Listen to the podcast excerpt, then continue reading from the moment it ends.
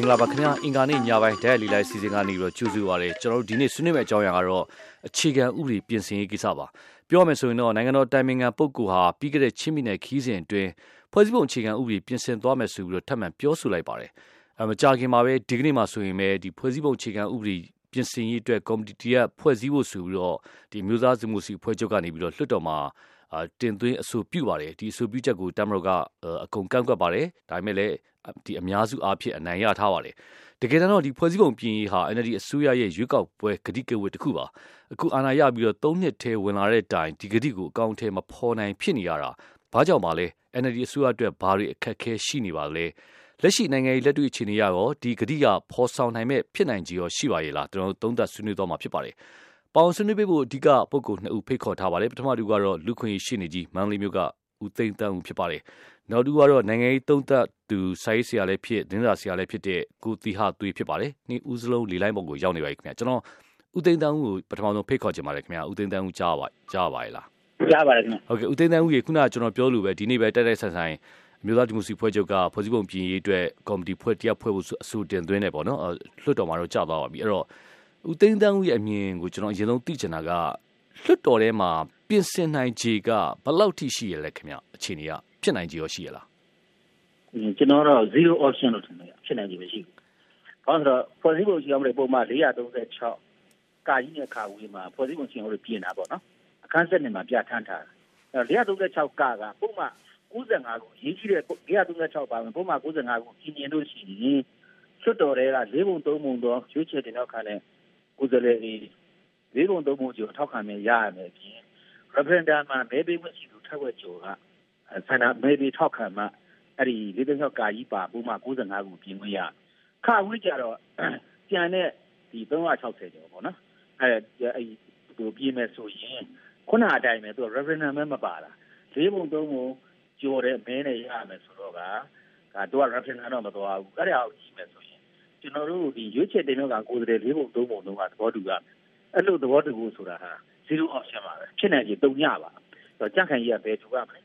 တက်ဆန်းကဘယ်တူမလဲအဲ့လိုအနေထားမှာအဲ့ဒီလို0 option ကသဘောတူခဲ့ရတယ်ဆိုရင်တောင်မှလေးဘုံတို့ဘုံကျော်မှာဖြစ်တဲ့အတွက်တမရတာကိုယ်စားလှယ်တွေကတမဲလို့တယ်ဒါအယူတော်၎င်းလဲဝောင်းတော်၎င်းအဲတမရတာကိုယ်စားလှယ်တွေကပေါ်ထွက်လာပါတာလေဒီအစည်းအဝေးချောင်းတွေပြင်ဖို့အတွက်ရှေ့ဆက်သွားနိုင်တဲ့အနေအထားတွေရှိတဲ့အတွက်တမရရဲ့သဘောဆန္ဒမပါဘဲနဲ့တော့ချွတ်တော်ထဲမှာမဲခွဲဆုံးဖြတ်တယ်ဒီနေ့မှမ ရနိုင်ပါဘူး။အောက်ကျင်စရာလမ်းအလားတာမရှိဘူး။သိန်းတန်းအခုအခုဆွေးနွေးသလိုပဲဒီ NLD ခေါင်းဆောင်ပိုင်းတော်များများကလည်းပြီးပြီးခဲ့တဲ့ကာလတွေမှာသုံးသက်ပြောဆိုတာကျွန်တော်တို့ကြားဘူးကလွှတ်တော်ထဲမှာလာလာမရှိဘူး။ဒါပေမဲ့အခုလိုမျိုးပဲဒီကနေ့လိုမျိုးပဲလွှတ်တော်ထဲမှာပြင်ဆင်မှုဆိုပြီးတော့ပြန်တင်လာတဲ့သဘောကဘယ်လိုကြောက်မှာလဲခင်ဗျာအခြေအနေဘယ်လိုကြောက်သုံးသပ်မိပါလဲ။ပရိထားလို့ရှိရင်ဒီနေ့ဟာကျွန်တော်တို့ဖွဲ့စည်းအောင်ချောင်းတွေအသိရေးဖို့ပြင်မှုတောင်းဆိုတိုက်တွန်းနေမသမာသူတွေရဲ့လုတ်ကြံခံရတဲ့ကျွန်တော်တို့ဆရာဥက္ကိုနီဒီကြာဆုံးတာနှစ်နှစ်တင်းတင်းပြည့်တဲ့နေ့ဖြစ်တယ်။ အဲ့တော့အဲ့ဒီနေ့နဲ့ဒီဟာတင်တဲ့ဟာတိုက်ဆိုင်တယ်နောက်တစ်ချက်ကဒီရွေးကောက်ပွဲနီးလာနေပြီဖွဲ့အမျိုးသားဒီမိုကရေစီအဖွဲ့ချုပ်ကရွေးကောက်ပွဲ2015ဝင်စဉ်တုန်းကပြီးခဲ့တဲ့ခရီးကဝေ300ထဲမှာဒီ2010ပေါ်စီကိုကျန်လို့ပြင်မယ်လို့ခရီးပေးခဲ့တာရှိတယ်အဲ့တော့ရွေးကောက်ပွဲနီးလာတော့အဲ့ဒီခရီးကိုစတင်အကောင့်ထဲကိုပေါ်ဖို့ပဲပြင်မယ်လို့ကျွန်တော်ထင်တယ်ခြေလမ်းနေစပြင်တာပေါ့နော် အဲ့လိုကျွန်တော်သဘောပေါက်တယ်ဟုတ်ကဲ့နောက်တစ်ချက်ကဒီဖွဲ့စည်းပုံပြင်ရေးပြင်ဥပဒေကိစ္စရပ်တွေပါတကယ်တမ်းပြောမှဆိုတချို့ကဝေဖန်တာလည်းရှိတယ်ဖွဲ့စည်းပုံပြင်ရေး NLD အနေနဲ့ကြိုးပမ်းမှုအတော်ခက်ခဲနေတယ်ဒါပေမဲ့တချို့ဥပဒေတွေကိုပြင်လို့ရတဲ့ပြင်ဖို့တင့်တဲ့ဥပဒေတော့မှမပြင်နိုင်ဘူးဆိုတဲ့အခြေအနေမျိုးဝေဖန်တာနေရှိပါတယ်ဥစိမ့်တန်းရဲ့အမြင်အောင်သိကြပါလေအဲဒီတချို့ကလည်းရှိပဲဥပမာအပြင်ဒီကျွန်တော်တို့ ICCPR တို့ဒီအပြည်ပြည်ဆိုင်ရာဒီဒီရပ်ဖက်သဘောတူညီချက်စာချုပ်မျိုးလို့တော့မှကျွန်တော်တို့ ဟိုအတီးပြုလက်မှတ်မထိုးနိုင်ဘူးမပါနိုင်ဘူးဒါတွေလည်းရှိတယ်နောက်ချုပ်ဘယ်လိုလားတဲ့ဥပဒေလည်းရှိပါတယ်ဒါပေမဲ့ကျွန်တော်ထင်တယ်ဗျ NLD အစိုးရရင်ဆိုင်နေတဲ့ကြက်တော်တော်ကြီးတယ်ရခိုင်ကိစ္စမှာအစိုးရအဖွဲ့ပါဝင်ပတ်သက်နေပြီးတော့ဟိုတနိုင်ငံလုံးမှာဒုက္ခရောက်ကြောက်ကြနေတဲ့ဒေသမျိုးဖြစ်တယ်စီဝါရေးကလည်းပဲလောလောဆယ်မှာတော့ကျွန်တော်တို့အကောင်းဘက်ကိုရောက်တယ်လို့မပြောနိုင်သေးတဲ့အနေအထားမျိုးတွေပေါ့နော်ဒီလိုအနေအထားမျိုးတွေဖြစ်တော့တိုင်းပြည်အခြေအနေကလည်းဟိုမတည်ငြိမ်ဘူးအထူးသဖြင့်ရခိုင်ကိစ္စတော့ဒုက္ခပေးနေတဲ့အနေအထားမျိုးတွေမှာ လွတ်တော်ဘက်ကိုတာမန်ဥတွေဘက်ကိုမလှည့်နိုင်လို့အခုဒါကျွန်တော်တို့အာဂျင်နာတင်လိုက်တယ်လို့ကျွန်တော်စတယ်ဒါဒီဘက်ကစပြီးတော့ခေါင်းလုံးထိုးလိုက်တာပေါ့ဗျာဖွဲ့စည်းကိုပြင်တော့မယ်ဆိုပြီးတော့အဲ့လိုကျွန်တော်ထင်တယ်ဟုတ်ကဲ့ခင်ဗျဦးသိန်းတန်းဦးလေလိုက်မှာခဏနေပြီးပါအောင်ခင်ဗျကျွန်တော်နောက်တစ်ချက်မှာဒီငင်းငင်းနဲ့ဆက်ဆက်ပြီးတော့ထပ်ပြီးတော့ဆွေးနွေးမိမြန်လိုပါတယ်ကျွန်တော်ကိုတီဟာသွေးကိုဖိတ်ခေါ်ချင်ပါတယ်ခင်ဗျကုတီဟာကြားပါလားခင်ဗျဟုတ်ကဲ့ဟုတ်ကဲ့ကိုတီးကခုနကဦးသိန်းတန်းဦးဆွေးနွေးသွားတဲ့ကြားမိမယ်ထင်ပါတယ်သူ့အမြင်ကတော့လာမယ့်ရွေးကောက်ပွဲအနေထား နောက်ရှင်းနေဦးကုန်ကြီးစုံတာနှစ်ပြည့်အဲ့လိုအနေထားမျိုးတွေနဲ့အဲတိုက်ဆိုင်နေတယ်ပေါ့နော်တကယ်တမ်းဟိုလွှတ်တော်ထဲမှာပြင်နိုင်ကြီးအားနေတယ်ဖြစ်နိုင်ကြီးနေတယ်ဆိုတဲ့အမြင်ရှိပါတယ်ကိုတီးဟရဲ့အမြင်သိကြပါလေဟုတ်ကဲ့ကျွန်တော်အမြင်ကတော့ရှင်းပါတယ်ဟိုကျွန်တော်တို့ဒီခြေကဥပဒေပြင်မယ်ဖြစ်တော်တယ်မှာခြေကဥပဒေပြင်ဖို့စတင်တယ်ဆိုတော့အတန်ကိုစထုတ်လိုက်တာက29ရက်နေ့ဒီကိုဒီလက်ကျခါရနေဒီကိုဒီဆိုတော့ ဟိုတာတန်ပုဂ္ဂိုလ်မဟုတ်ဘူးကျွန်တော်တို့ဒီခြေကဥပဒေတော်မှာအစဆုံးအစ်ပြန်ရေးကြတယ်လို့ကျွန်တော်ဟိုဒီစာရထုတ်ပေါ်ခဲ့တယ်ပေါ့နော်ဥပဒေတွေလိုပဲပြောခဲ့တဲ့လူမျိုးဒီကျွန်တော်တို့ခြေကဥပဒေနဲ့ပတ်သက်ရင်ကျင့်ဖို့ကိုကျွန်တော်တို့လက်ကမအတုတ်ချုပ်ချားတက်ကြွဆုံးပေါ့နော်အပြည့်စုံပုဂ္ဂိုလ်အဲ့ဒီပုဂ္ဂိုလ်မျိုးလက်ကျခါရတဲ့မိပါဘယ်လိုမျိုးအနေရရပြီးတော့ဟလာသုံးသက်လောက်ကျွန်တော်တို့ဟိုဘာမှမပြောဘဲနဲ့ပေါ့နော်ဒီစကားဥပဒေဒီနည်းနဲ့ပတ်သက်ပြီးကျွန်တော်ဘာမှမပြောဘဲနဲ့နေသားနေပြီးတော့ဟလာ ပြင်လာတဲ့ပြည်ဟာဟာဒီမှာထူးကြရဲဟိုပြင်ဖို့မပြင်ဖို့တော့ကိုနိုင်ငံရေးသွားနေတဲ့ပုံစံပေါ့နော်အဲ့ဒီကသွားနေတဲ့ဒီသုံးနှစ်ကြာကာလမှာသွားနေတဲ့ပုံစံတွေချိုးဖို့တခုကိုစပြီးတော့သွားတယ်ဆိုရဲ message ပေါ့နော်အဲ့ဒီဟိုတကယ်စကားကိုပြီးလို့ယူခပါတယ် နောက်တစ်ချက်ကပါလဲဆိုတော့ကျွန်တော်တို့ဒီအကျဉ်းအဲကျွန်တော်တို့ဒီ NLD ကနေဒီအခြေခံဥပဒေလက်ပြတ်ကပြင်လို့ကြိုးစားနေတာပါလဲဆိုတော့ပြင်လို့ပါပဲပြင်လို့မှာကျွန်တော်တို့ဒီဆွေးနွေးနေတဲ့အချက်တွေကကျွန်တော်တို့ကံမတော်ဘာတစ်ဆွဲခေါ်လာပြီးတော့ကျွန်တော်လက်နက်တွေထိုးပြီးစစ်တော်တွေမှာအကြည့်ပြီးတော့ဆက်နေတော့ဒါကကျွန်တော်တို့ကတမတော်ကအပါခေါ်လာတဲ့အတွက်ကြောင့်လက်ပြတ်နဲ့မတန်ကြီးတဲ့နီးပါပဲဆက်တော်လည်းဟိုအားလုံးပြီးကြတဲ့အတိုင်းပဲဒီလေးလေး process ကဟိုဘယ်လိုမှရှိမတိုးနိုင်တဲ့အတွက်လက်နက်ထိုးပြီးသားအပြည့်ရလက်နက်ထိုးပြီးသားကျွန်တော်တို့အဖွဲ့တွေတော့မှ နောက်ဆုံးတဲ့အနေအထားတွေရက်တဲ့အနေအထားတွေရှိတဲ့ပြောအခုတမတော်ကနေပြီးဆက်ကြပါပါဟလာလေးကဆက်ပေးလိုက်တာတော့မှကျွန်တော်တို့ဆွေးနွေးပွဲမစနိုင်ဘူးဆိုတော့ဒီနေငယ်ရေးပေါ်မှာကစစ်ကြောဥပဒေကိုပြင်ဖို့ဒီဒီဖြစ်စဉ်တွေပေါ်မှာပုံသားရတယ်မဖြစ်နိုင်တော့ဆိုတော့ကျွန်တော်ဒီမှာလည်း၃နှစ်တာပြတ်သက်တမ်းပြီးတော့ဒီမှာအဲ့ဒီကဟိုဟောင်းဆက်အတွက်ကိုသူတို့တွေစစ်စစ်နဲ့လည်းပြရတာပါဟိုကြည့်ပြီးတော့ဟိုသူတို့တော့သူတို့ရှောက်ရတော့မယ်အခြေရောက်ပြီးပြေးလို့ရတယ်စီးပွားရေးလည်းပြောလို့လာတာကိုသိရတယ်။နောက်အခုနိုင်ငံရေးကိုလည်း ပြန်ပြီးတော့ဇောင်းပေးလာတာတွေ့ရတယ်။ဆိုတော့ဒီချက်ဒါဟာအဲဒီကသုံးချက်သွားခဲ့တဲ့ကျွန်တော်တို့ဒီမိုးဒီတော့တို့သွားခဲ့တဲ့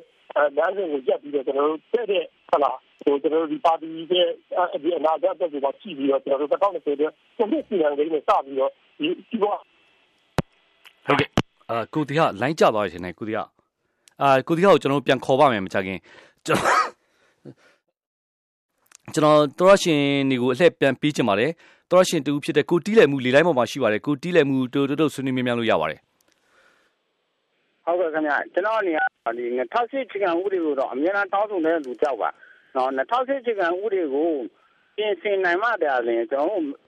မြန်မာပြည်ကငြိမ်းချမ်းတရားနိုင်မှာဖြစ်ပါတယ်ခင်ဗျဘာဖြစ်လဲဆိုရင်တော့ဥကိုနီကိုနော်တတ်ပြလိုက်ခြင်းအဖြစ်ကျွန်တော်တိုင်းသားပြည်သူတွေဗမာပြည်သူတွေအတွက်အမတမနစ်နာတဲ့ကိစ္စတခုဖြစ်နေတဲ့အတွက်2008ကြီးကဥပဒေကိုတော့ ပြင်ဆင်မယ်ဆိုရင်တော့ကျွန်တော်တို့မှဒီတိုးတက်ဖို့အလားအလာရှိပါတယ်ကွာအရေးကြီးတဲ့အချက်ကိုတော့ပြင်ဆင်ဖို့လိုပါတယ်ခင်ဗျဟုတ်ကဲ့အရေးကြီးတဲ့ချက်ဆိုတာဘယ်ကောင်ရည်ညွှန်းလို့ပါလဲကိုတီးလည်းမှုမြင်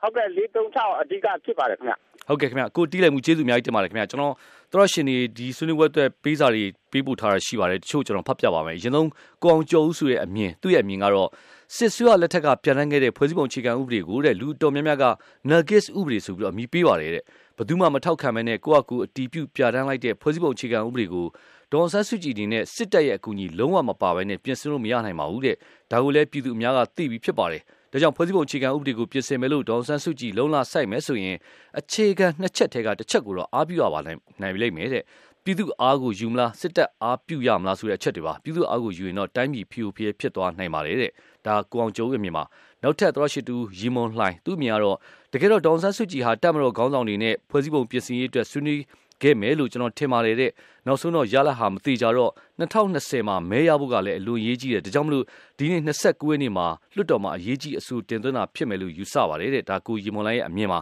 အဲ့တော့ဒီအမြင်နဲ့ဆက်ဆက်ပြီးတော့ကျွန်တော်ဦးသိန်းတန်းဦးကိုပဲပြန်ပြီးတော့ဖိတ်ခေါ်လိုပါတယ်ဦးသိန်းတန်းဦးခုနကကောင်းကျော်ဦးပြောသွားတယ်လို့အဲ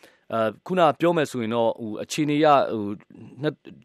NLD အစိုးရကလည်းဒီဖွဲ့စည်းပုံပြင်ရေးဆိုတာလူတို့ကိုဂတိကူးပြုထားတဲ့ရွေးကောက်ပွဲကလည်းနီးနေပြီးတော့ဒါကိုပြန်ပြီးတော့ဆွဲကင်ရတဲ့အနေအထားကိုပြန်ကြုံလာတဲ့အနေအထားပေါ့ဒါပေမဲ့တစ်ဖက်မှာဒီလိုလှုပ်လိုက်တဲ့အတွက်ကြောင့်မလို့ဒီနေ့ဆိုရင်ပဲအာတက်ကကူစလေတွေထကန့်ကွက်တာကြုံတယ်စစ်တပ်နဲ့ပုံမတင်းမာပြီးတော့နိုင်ငံအခြေအနေကပုံမတင်းမာတဲ့ဘက်ကိုဥမတီသွားနိုင်ဘူးလားဦးသိန်းသန်းကိုမြင်သိကြပါလေဟုတ်ကဲ့ဗျာဟိုဒါကတော့တကယ်ကတော့ကျွန်တော်ကအစတုန်းက 29ရက်နေ့မှာတင်တော့မယ်လို့ပြောတယ်ကျွန်တော်ထင်တာကဟိုတပ်မတော်နဲ့တစုံတရာနားလည်မှုရလာလို့တင်နေတယ်လို့ကျွန်တော်ထင်တယ်လေအဲ့တော့အခုကတော့မဟုတ်ဘူးလို့ရအဲ့436ကာကြီးနဲ့ခါခွေးရခုနကျွန်တော်ပြောခဲ့တဲ့အတိုင်းပဲအဲဒီစစ်တပ်ဘက်ကသဘောမတူဘဲနဲ့တော့ဘယ်နည်းနဲ့မှမပြင်နိုင်ဘူးဒါကြောင့်မို့ခုနကိုတရားသွေးပြောလို့ကျွန်တော်တို့ပင်လုံကသွားနေကြတာပေါ့ဗျာပင်လုံကနေသွားပြီးတော့ all inclusive လုပ်ပြီးတော့ကြိုးစားနေတာကြိုးစားနေကျွန်တော်မြင်တာတော့ဒါကတော့သူတို့ကသူတို့ရဲ့ပိုင်းပြချက်ပေါ့ NLD ကသူတို့ရဲ့ရွေးကောက်ပွဲ ဟိုမှာကြီးညာစရန်ရောရွေးကောက်ပွဲမှာတန်တိတ်ထန်300ချခဲ့တဲ့အခါမှာဒီချက်ကိုသူတို့ပြန်ဥကိုင်းလာပြီးသူတို့ကလည်းတောင်းဆိုနေပြီဆိုတော့အနေထားမျိုးနဲ့တင်းလာတာဖြစ်တယ်ဖြစ်တော့ဟိုအကျိုးဆက်ကနှစ်မျိုးဖြစ်နေတာပေါ့နော်တမျိုးကခုနလိုပဲဟိုတင်းမာလာတယ်လို့ပြောနိုင်တယ်ဒါပေမဲ့တစ်ဖက်ကလည်းဒီဖွဲ့စည်းအုပ်အခြေခံဥပဒေကြီးကိုမပြင်ဘူးလို့ဘယ်သူမှမပြောဝင်ဘူးကြာနော်ရှိနေတဲ့ဒီအခင်းချင်းအကုန်လုံးမှာအတက်မတော်ကလည်းသူမူ6ချက်တဲ့2000ဖွဲ့စည်းအုပ်နဲ့ပါတဲ့အတိုင်းဆိုရင်ပြင်မယ်ဘယ်ဟာမှပြည့်ပြည့်စုံတာမရှိပါဘူး ဒါကြီးအပြည့်ပြည့်စုံမှပြင်လို့မရဘူးလို့ပြောတာတော့မပြောရဘူးအဲ့လိုပဲပြန်ခိုင်ရလည်းဒါသူတို့စတင်ဝင်လုပ်ခဲ့တာဆိုတော့ဒုတိယတစ်ချက်ရတော့ခုနကဒီကော်မတီဖွဲ့ရမျိုးကလွတ်တော်တဲ့အပြင်မှာပေါ့ဗျာပထမဦးဆုံးအားဖြင့်ကျွန်တော်တို့ဒီနိုင်ငံကြီးခေါင်းဆောင်ကြီးထိတ်တိုက်တွေ့ပြီးတော့တယောက်ချင်းပေါ့ဗျာဒါတက်မတော်နဲ့ NLD ဆိုရပါတယ်ကြက်ခိုင်ဘယ်လိုမလိုပါဘူးဒါသူကဟိုဟန်ပြတွေတက်တက်ပါပဲအဲ့ဒီအနေအထားမျိုးဖြစ်တဲ့အခါကျတော့အဲ့ဒီကနေပြီးတော့ခေါင်းဆောင်တူချင်းတူရနေပြီးတော့အုပ်စုလိုက် အုပ်စုလိုက်ကနေမှခုနကြေပြနဲ့လည်းပါတီတွေပါတယ်ကော်မတီကလုတ်ပြီးမှလွတ်တော်တယ်ဝင်နေတယ်အဲ့ဒီအတွက် NLD ဟာဒီလို determination ရှိနေတယ်ဆိုတာအချက်ပြရတာဖြစ်တဲ့အတွက်အခြားတစ်ဖက်ကတော့ကိုယ့်ဘက်က positive ပြန်တုံ့ပြန်လာနိုင်တဲ့အနေအထားလည်းရှိတယ်လို့ဟုတ်ကဲ့ခင်ဗျဦးသိန်းတန်းဦးလေလိုက်မောခဏနေပေးပါအောင်ခင်ဗျကျွန်တော်ကိုတရားသွေးလေလိုက်မောပြန်ရောက်လာလို့သူပြန်ဖိတ်ခေါ်ချင်ပါလေကိုတရားသွေးခုနကပြောသွားတဲ့စကားပြန်ဆက်ချင်ပါလေအဲကိုတရားသွေးပြောတယ်အဲဒီရွက်ကောက်ပွဲလည်းနီးလာပြီအဲ NLD ကသူအရင်တော့ကကင်ဆွဲထားတဲ့ဟာကိုပဲပြန်ကင်လာတယ်ပြန်ကင်ပြီးတော့တင်လာတယ်ပေါ့လွတ်တော်ပေါ့နော် အဲ့တော့လွတ်တော်ထဲမှာပြင်ဆင်ရေးအတွက်ဆိုပြီးတော့ဖြစ်နိုင်ချေအားနေတယ်ဆိုပြီးတော့ရခင်ကသုံးသပ်ခဲ့တာရှိပါတယ်ခင်ဗျအခုလိုတင်ပြလာတယ်လှုပ်လာတာကကိုတကယ်တမ်းပြင်ဆင်နိုင်မှုဖြစ်နိုင်ချေလွတ်တော်ဘောင်တွေကနေဘယ်လောက်ထိရှိလို့လဲခင်ဗျအဓိကတော့ဗျာတက်မတော်ကမပါဘူးတက်မတော်ကဆန္ဒမရှိဘူးပြင်လို့မရဘူးဆိုတာရှင်းပါတယ်ဒါပေမဲ့ NLD အနေနဲ့တက်မတော်ကဆန္ဒမရှိဘူးဆိုတော့လည်းပဲအပြန်လဲကြိုက်ဆွဲဖို့လိုအပ်လာတဲ့အချက်တွေအများကြီးရှိတာပေါ့ဗျာအဲ့ဒါ ဟိုဆရာဦးသိန်းတိုင်းဆိုပြောသွားတယ်လို့ပဲကျွန်တော်တို့ကဒီကိစ္စကြီးကိုကျွန်တော်တို့မေ့ထားလိုက်ရင်အဲကြာရင်ကျွန်တော်တို့ကဒီကောင်လက်ခံလာမျိုးဖြစ်လာမယ်ဆိုတော့ဟိုဒီလိုစီဟိုဥဆောင်တဲ့ဟာဒီလိုစီ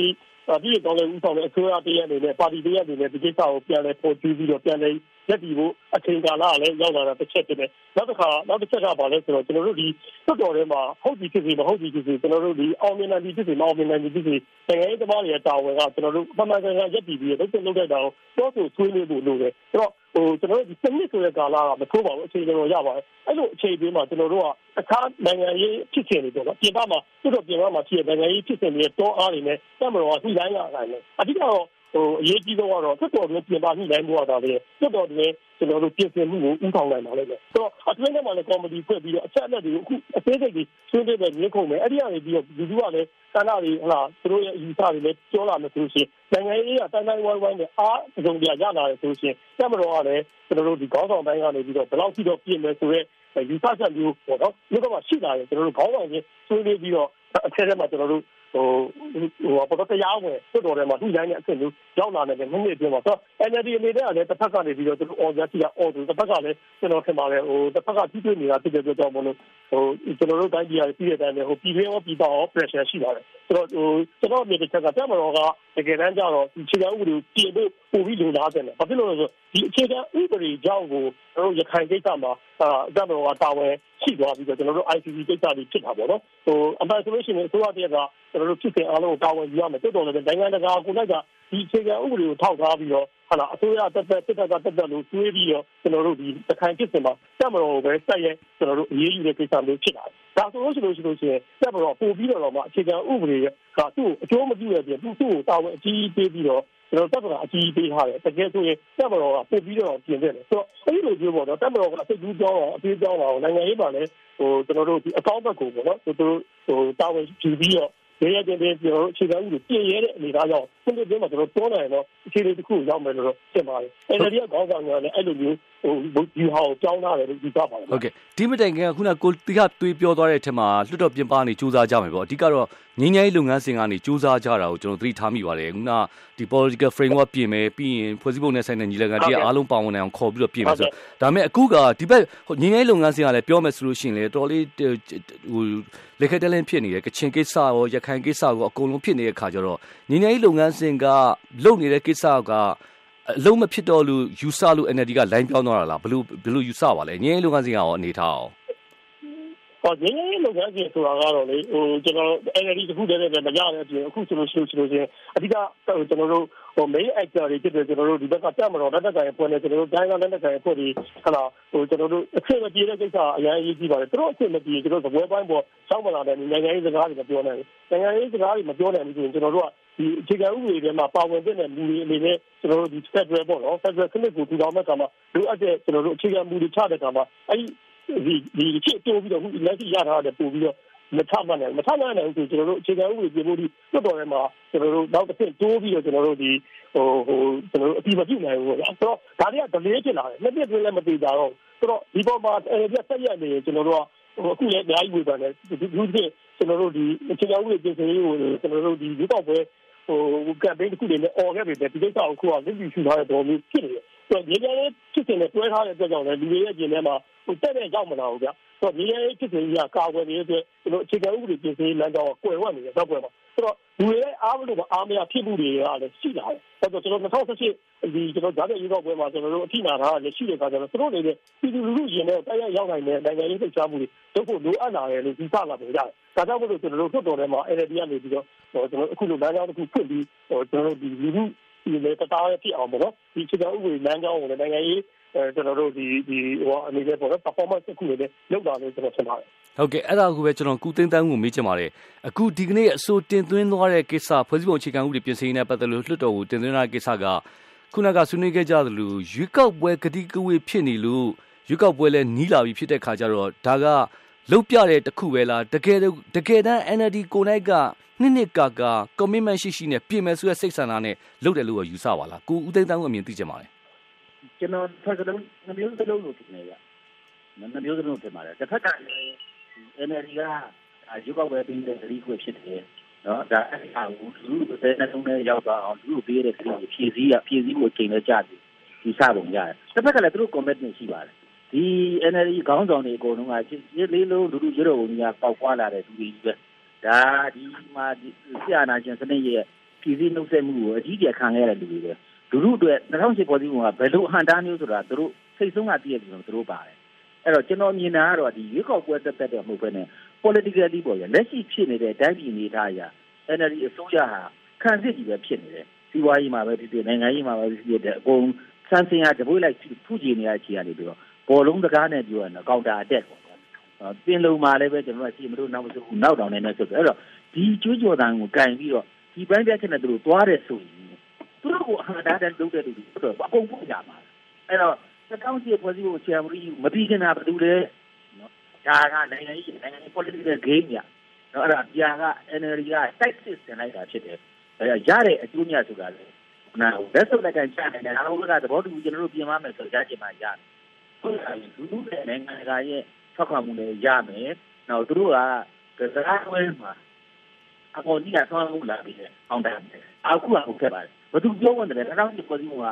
ဘာမှအကောင်းဆုံးပြောတာဒီတချို့တော့ရှိပါတယ်ဟာကဘာမှ15နှစ်တောင်ရေးရတာကောင်းတယ်ဆိုတော့ဒီလိုအထားနေပြီးမှ2000ပေါ်စီပုံကြီးတာဖြစ်ရင်ဒါဒီနေတဲ့ဒီတန်းစစ်ပါတယ်လို့ထွက်ကြတယ်လူကအချို့ရှိလို့ရမယ်လို့ထင်တယ်အဲ့ဒီချိန်မှာ NLD ရဲ့ဖွဲ့စည်းပုံချအောင်ပြင်မှုလုပ်တဲ့လှုပ်ရှားမှုကိုစတင်ကန့်ကွက်သူမှန်သမျှ ဒီသူ့ရဲ့တကယ်အမြဲဒေါသနဲ့ဒီမလိုမဟုတ်တာမှုသက်ကွင်းနဲ့ကြာမှာပဲ